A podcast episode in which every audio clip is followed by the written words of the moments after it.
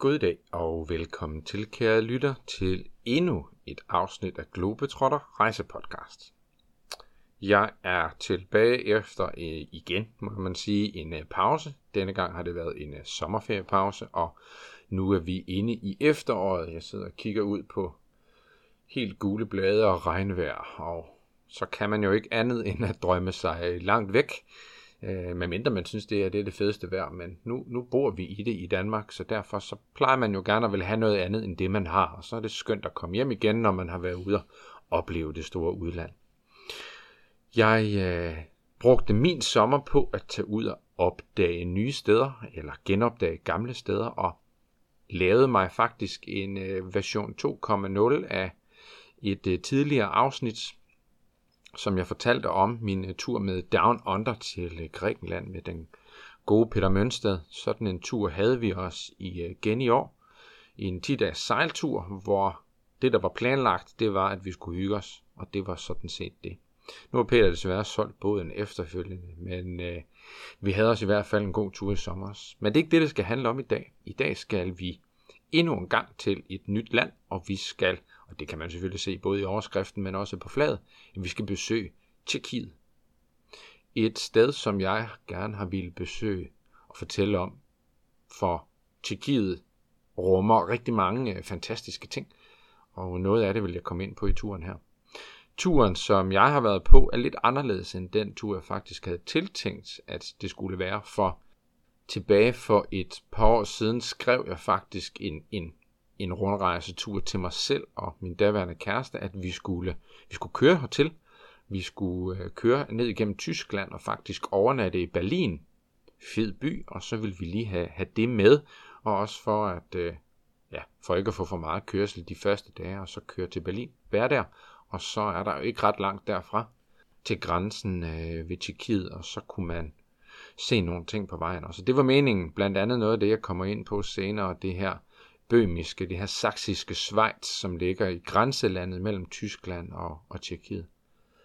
Det var et sted, vi gerne ville have været nede og vandre, øh, og nu, nu gjorde jeg det på en lidt anden måde, og kom her så op af, af, på en anden måde i stedet for. Men skulle jeg anbefale den her tur, ville jeg faktisk gøre det, måske som jeg havde planlagt. Men der var nogle stigende brændstofpriser, og i og med at jeg så også tog turen alene, jamen så blev det på den her måde i stedet for. Men jeg gjorde, som jeg sådan set egentlig startede, da jeg skulle på min tur til Tjekkiet, at jeg gik ind og kiggede på Maps.me. Hvad skulle, øh, hvad skulle man se? Jeg læste nogle bøger, for, for eksempel Rejseklar til Tjekkiet.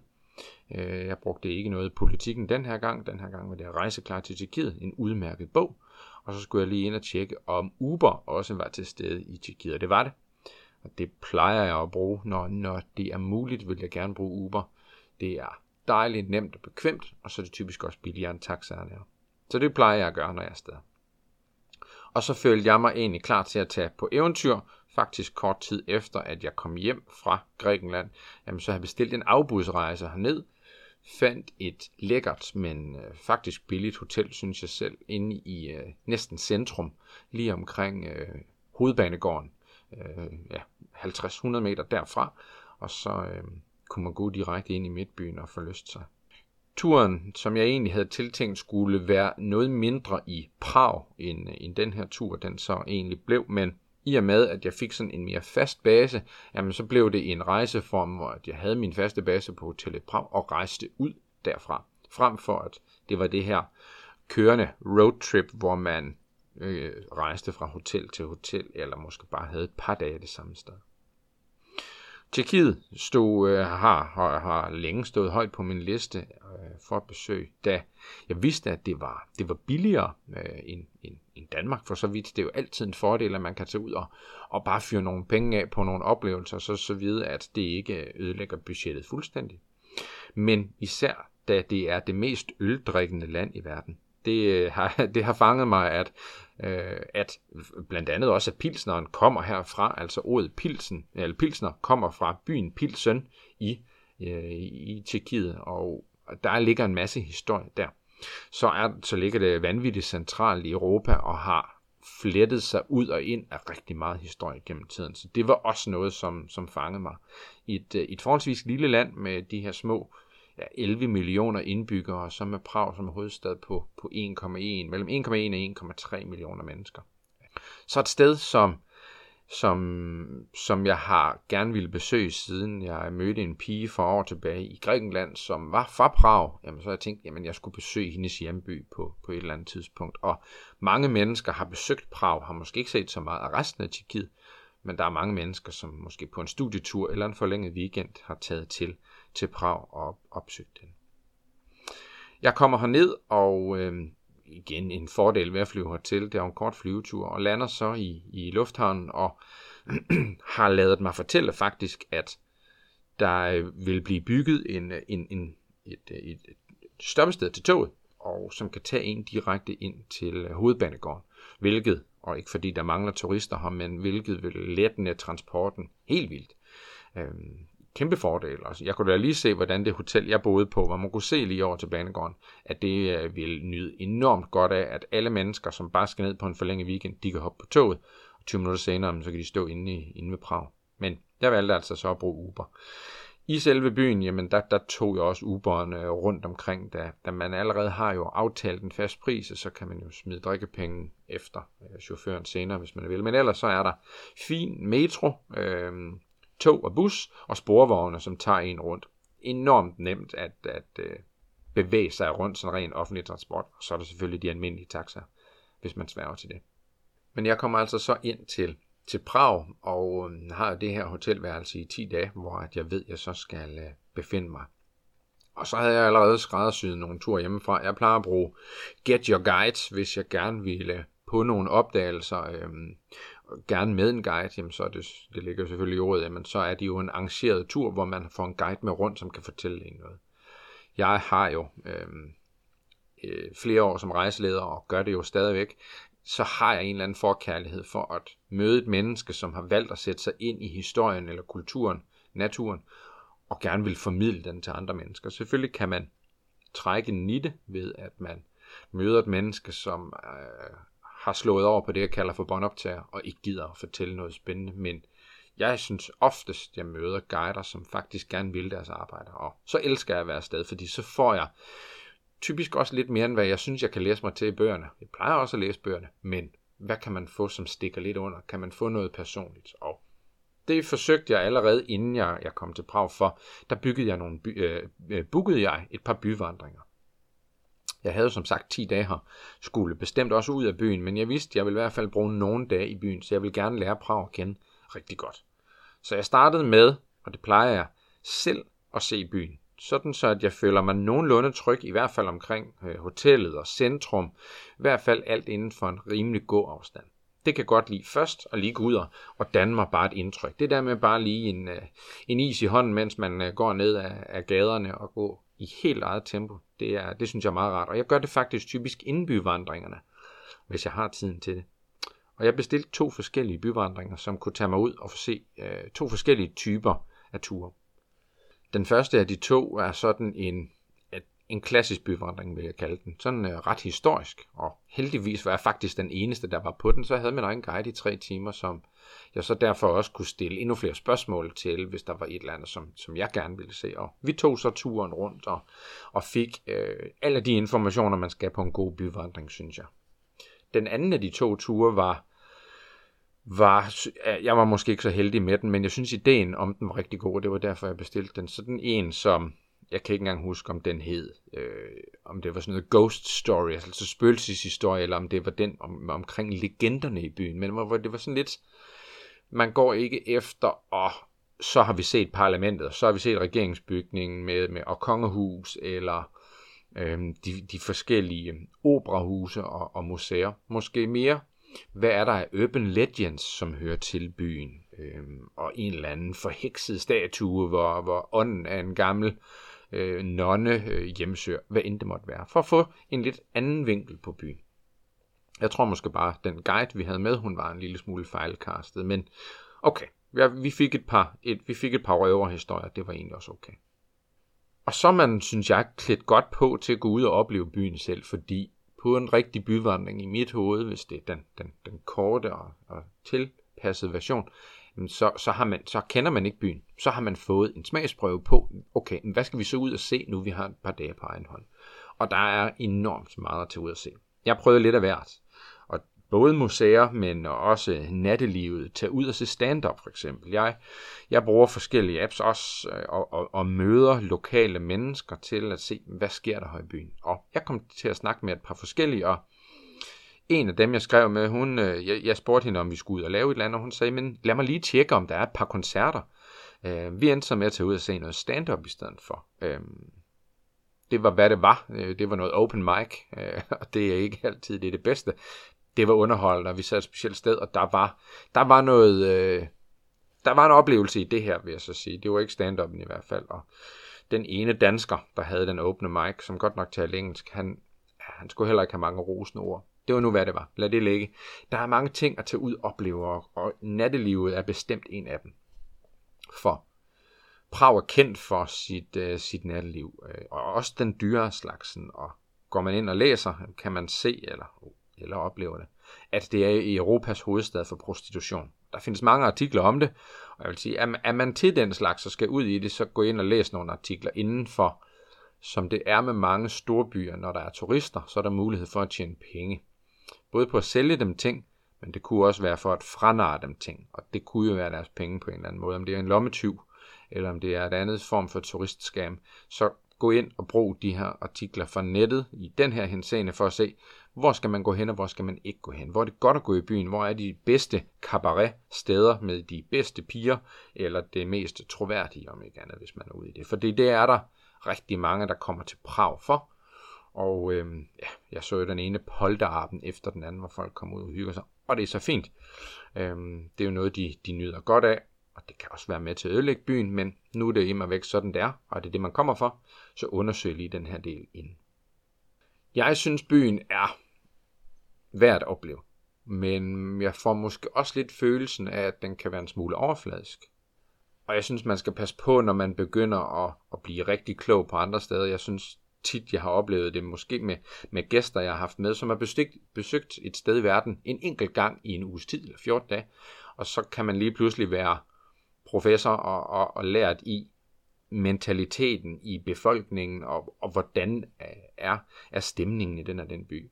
Jeg synes dog, jeg har års erfaringer nok til at få en god fornemmelse af, hvor vi er henne, og så plejer jeg at understøtte det med noget andet. Og en af dem, jeg snakkede med, hun, hun var så dog tilflytter. og hun var fra Brasilien og boede i Prag i ni år, og, og levede og arbejdede der, og hendes holdning var egentlig den samme, at det var lidt overfladisk, og hun havde brød sig faktisk ikke specielt meget om at bo der. Hun syntes, byen var fed.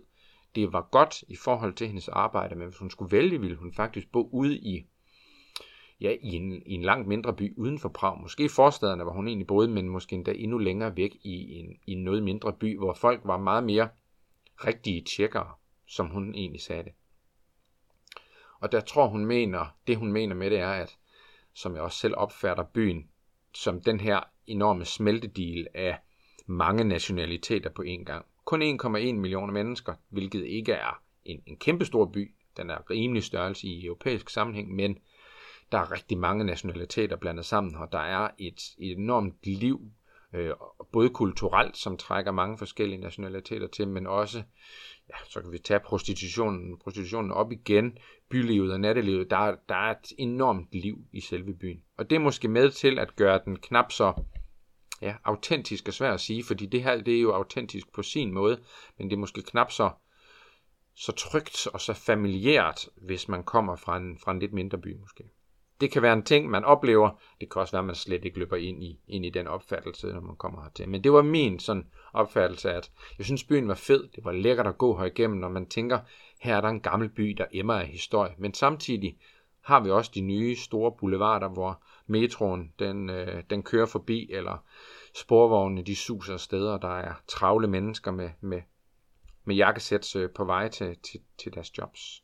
Så jeg synes, det er værd at opleve, men, men måske står man med den her oplevelse bagefter. Noget, man selvfølgelig skal opleve i Prag, er deres mad og deres øl.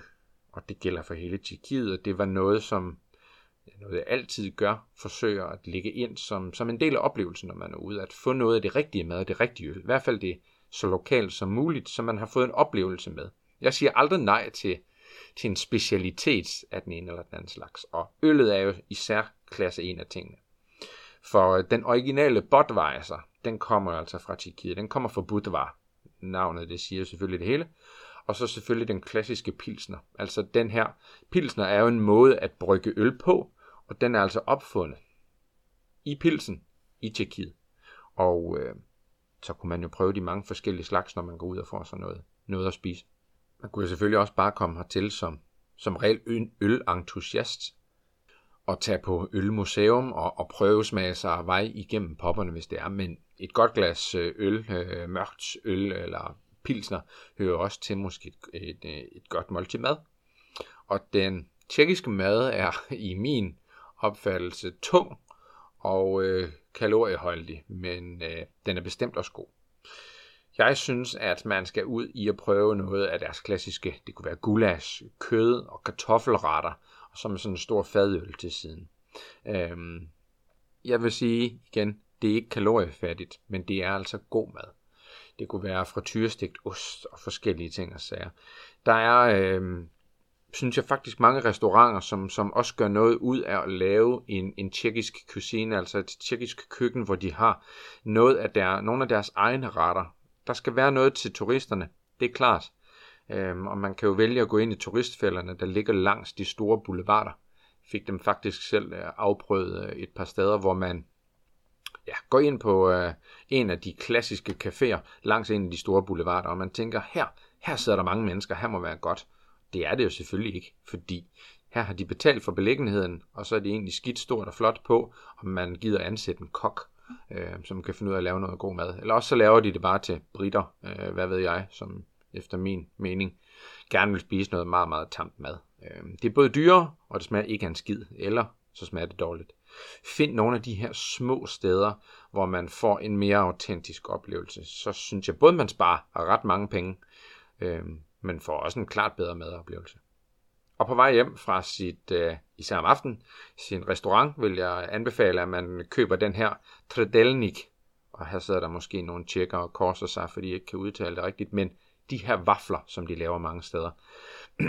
Noget dej, de vikler om sådan nogle koniske spyd, og øh, varmer dem over åben ild, eller bager dem, gør de jo, og så kan de jo fylde dem med øh, vaniljeis og Nutella bagefter. Øh, det så jeg i hvert fald nogen øh, gøre. Øh, gør. Øh, det var ikke noget, jeg selv prøvede.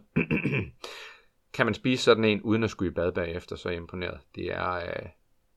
Hold kæft, hvor var de gode. I dagstimerne har man jo så gjort sig fortjent til, efter de her store måltider mad, at tage sig sine mange tusinder skridt i løbet af dagen. Og der kunne man jo gå igennem de mange forskellige museer. Og dem er der mange af. Der er jo klassiske museer, som de meget historiske eller moderne kunst og sådan nogle ting, som folk kommer ned for kun at gå på. Det kunne også være nogle af de mere kuriøse, som museet for, ja, som øl, øh, jeg nævnte før, hvor der er smagsprøver på, eller for museet for tortur og sexlegetøj. Der var ikke nogen af de steder, der egentlig var smagsprøver, øh, måske heldigvis. Men noget lidt anderledes at komme ind og se.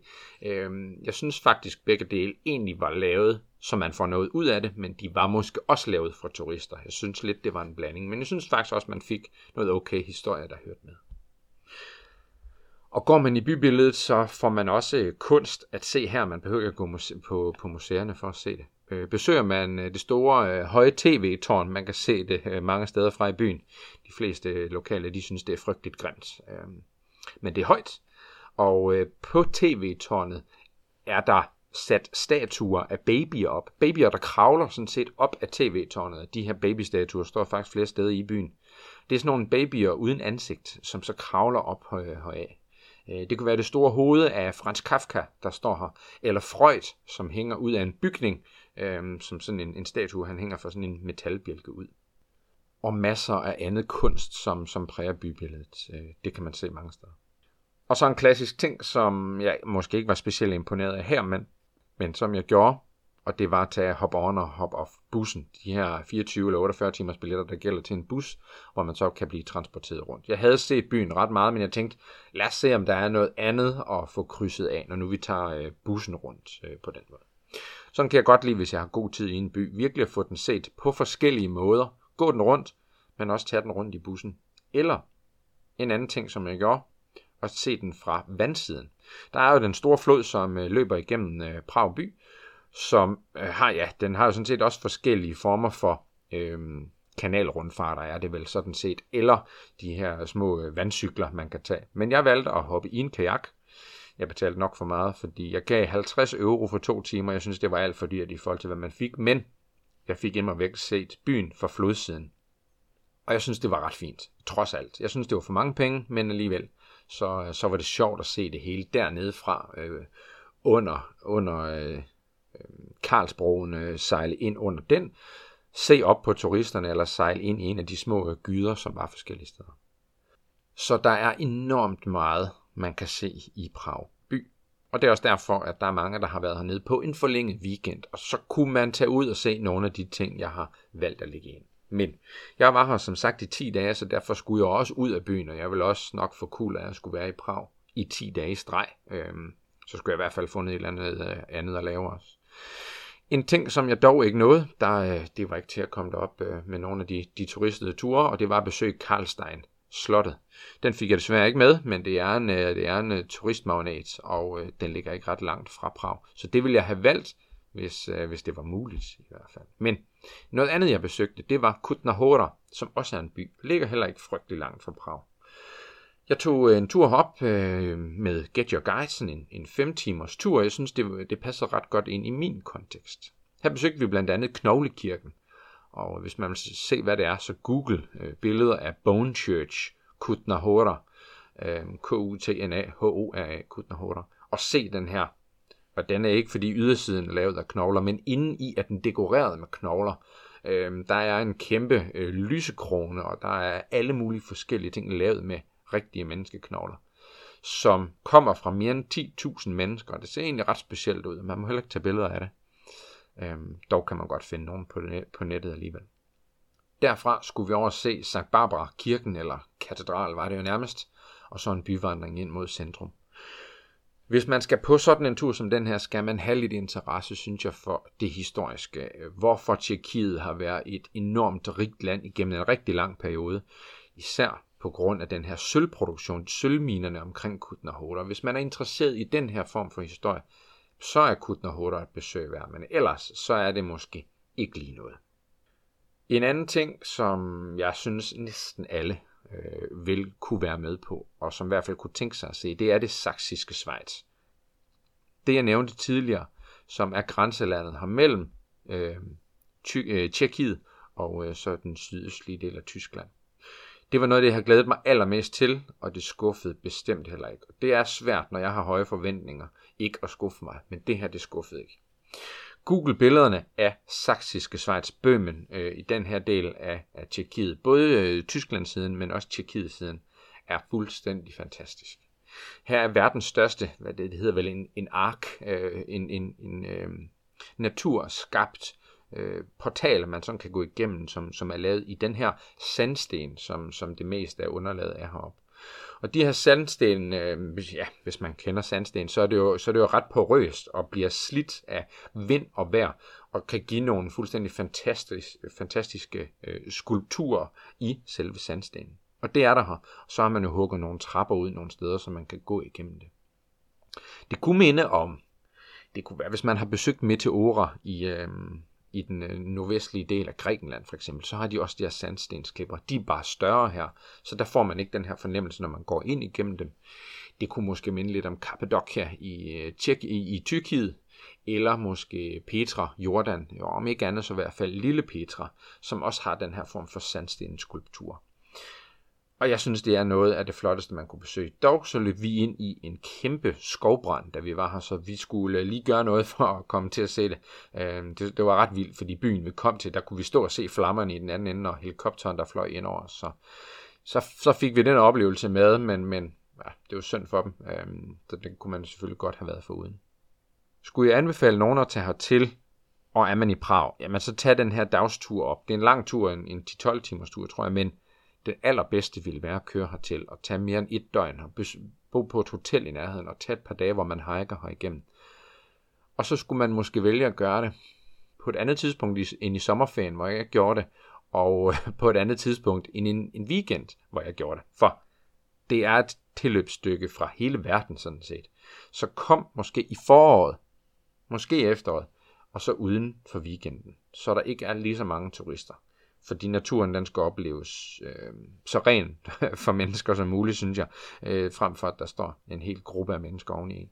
Men det er et sted, man bør opleve. Og de her sandsten, de findes faktisk mange steder. Det her er nok det bedste og mest kendte sted i Tjekkiet, men der er også stedet, som hedder Devil's Heads, øhm, som har udhugget sådan nogle hoveder i stenen, som, som står der. Øh, sjovt at opleve også. Øhm, og så ved jeg, der er mange steder, som, som bruger det til klatring også. Vi var ude og se et sted, hvor der var nogen, der øvede sig i klippeklatring.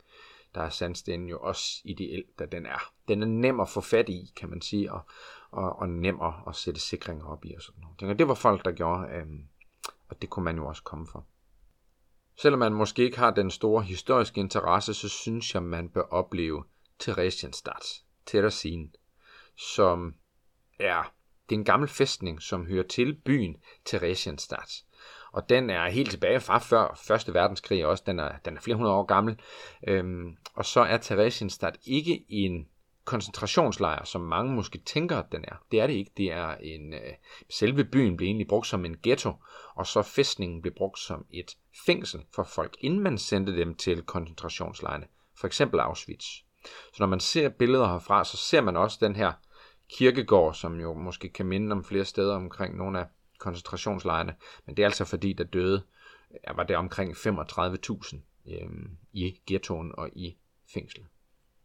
For mig var det vigtigt at få besøgt, da jeg tidligere har været i Auschwitz, og hele historien her omkring betyder meget for mig at have oplevet. Men også fordi jeg tidligere har, har guidet igennem Balkan, øhm, og især i Sarajevo, hvor øhm, Gavrilo Princip skød ærkehertugen Frans Ferdinand og startede Første Verdenskrig dengang. Han sad fængslet i Theresienstadt, og øh, der er billede af ham derinde, og hvad for en celle han sad i. Så for mig bandt det sådan en, en ret god sløjfe på et, et stykke historie, som jeg var glad for at få med herfra. Så Theresienstadt øh, var også en guided tur, jeg tog på, hvor man kommer ind og besøger både museet herinde for, men også selve ghettoen. Øh, ja, en stor oplevelse, øh, og man kan sige en god oplevelse at høre om noget øh, så makabert. Det ved jeg ikke, om man kan kalde det, men jeg synes, det er vigtigt at forholde sig til den her del af historien også. Og der er der alligevel ret meget øh, at fortælle om fra, fra Terezin. Også en, en god times kørsel fra Prag. Så øh, tog jeg også på en tur, hvor at jeg ikke gad have nogen guide med. Jeg øh, mødte en pige hernede, og vi var ude at lave øh, forskellige ting sammen, og vi, øh, hun havde ikke været i Pilsen før, og derfor så sagde jeg, men det vil jeg gerne opleve. Skulle vi ikke prøve at gøre det? Så vi, øh, vi købte nogle togbilletter, og så tog vi til Pilsen og tog på ølfabrik og fik ølsmagning, og der manglede bestemt ikke noget. Vi gik ind og spiste bagefter også og fik et godt, solidt måltid med endnu mere øl til. Så en øh, fed oplevelse at tage toget til øh, Pilsen, besøge byen, og så komme ind og så se, hvor Pilsneren den kom fra. Jeg har en, øh, jeg har en bucket, bucket list, ligesom mange andre. Jeg har bare svært ved at begrænse den, så når der er noget, som er specielt, for eksempel at, hvor kommer Pilsneren fra, og have besøgt det sted, det, det betyder noget. Altså verdens mest, verdens største, verdens første, verdens et eller andet, der, der hvor noget kommer fra, oprindelsessteder det er noget, som jeg godt kan lide lidt på min bucket list. Så jeg har alligevel drukket et par pilsner i min tid, så det var oplagt at se det, når nu man var i Tjekkiet. Og det var også en af de ting, som jeg absolut ville have med på den tur, jeg havde planlagt til mig selv, hvor jeg skulle køre rundt. Så det her var egentlig øh, det meste af det, jeg oplevede på mine 10 dage øh, rundt om i, øh, i øh, området omkring Prag, men også Prag. Og hvis man nu sagde, at man skulle ned i omkring 10 dage, kunne man jo øh, man kunne tage til Pilsen, det var en hel dag. Theresienstadt, det var en hel dag. Øhm, det saksiske Schweiz var en hel dag. Kutnerhoda var en hel dag. Man kunne tage, øh, man kunne tage Karlstein med os, det er også en hel dag. Så har vi de første fem dage uden for, for Prag øh, optaget. Man kunne jo vælge at komme i sæsoner, hvor man kunne river rafte øh, op nordpå. Man kunne øh, lege en bil og øh, køre op i bjergene op mod Polen i den øh, nordlige del herop. Det har jeg, jeg har jeg kender mange, som har været hernede, og, og studieturene er typisk også, hvor man kommer i bjergene i, øh, i skisæsonen og, og gør det, eller gør nogle af de andre øh, bjergaktiviteter, som, som vandring og den slags. og så måske med 3-4 dage i, øh, inde i Prag by og få oplevet den, måske ikke i streg, men sådan en hister her, så man også får slappet af mellem turene, så har man lynhurtigt sammensat sig en 10-dages tur til Tjekkiet. Så det synes jeg bestemt, man skal gøre.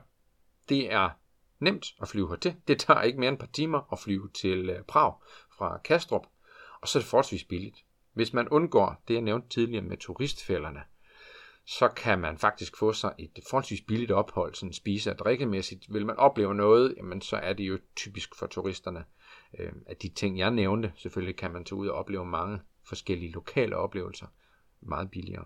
Det kan man jo selvfølgelig også gøre. Man kunne starte med en forlænget weekend. Man kunne tage tre, måske fire dage hernede, se om Prag var noget for en. Og så kunne man jo næste gang man kommer, nøjes med at have en enkelt eller to dage i Prag, og så tre dage uden for Prag. Og så opleve nogle af de ting, jeg har øh, valgt at lægge ind. For Tjekkiet har enormt meget at byde på. Det har alle lande i hele verden, vil jeg sige. Det er måske lige Vatikanstaten, som man godt kan se på en enkelt dag. Men ellers så har de fleste lande i verden trods alt ret meget at se. Og naturen er fantastisk hernede.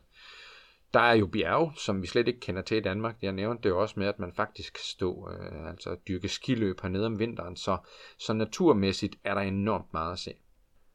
Historisk, der er, øh, og, og som jeg har nævnt øh, tidligere i min podcast, så er det jo ikke en historiepodcast, den her, men det kunne det have været, og så kunne man bruge øh, mange episoder på at fortælle om Tjekkiets historie der ligger der enormt meget hernede, for det ligger så centralt i Europa, og har været, jeg har ændret landegrænser så mange gange, da det ligger op af sådan noget som, som Tysk, Tyskland, Østrig, Ungarn, og hele vejen over mod Balkan og den slags, op mod Polen. Det er jo altså steder, som øh, i den øh, europæiske centralhistorie virkelig har, har meget at, at fortælle. Så kommer man øh, for, for en historisk tur, så kan man få enormt meget mere også.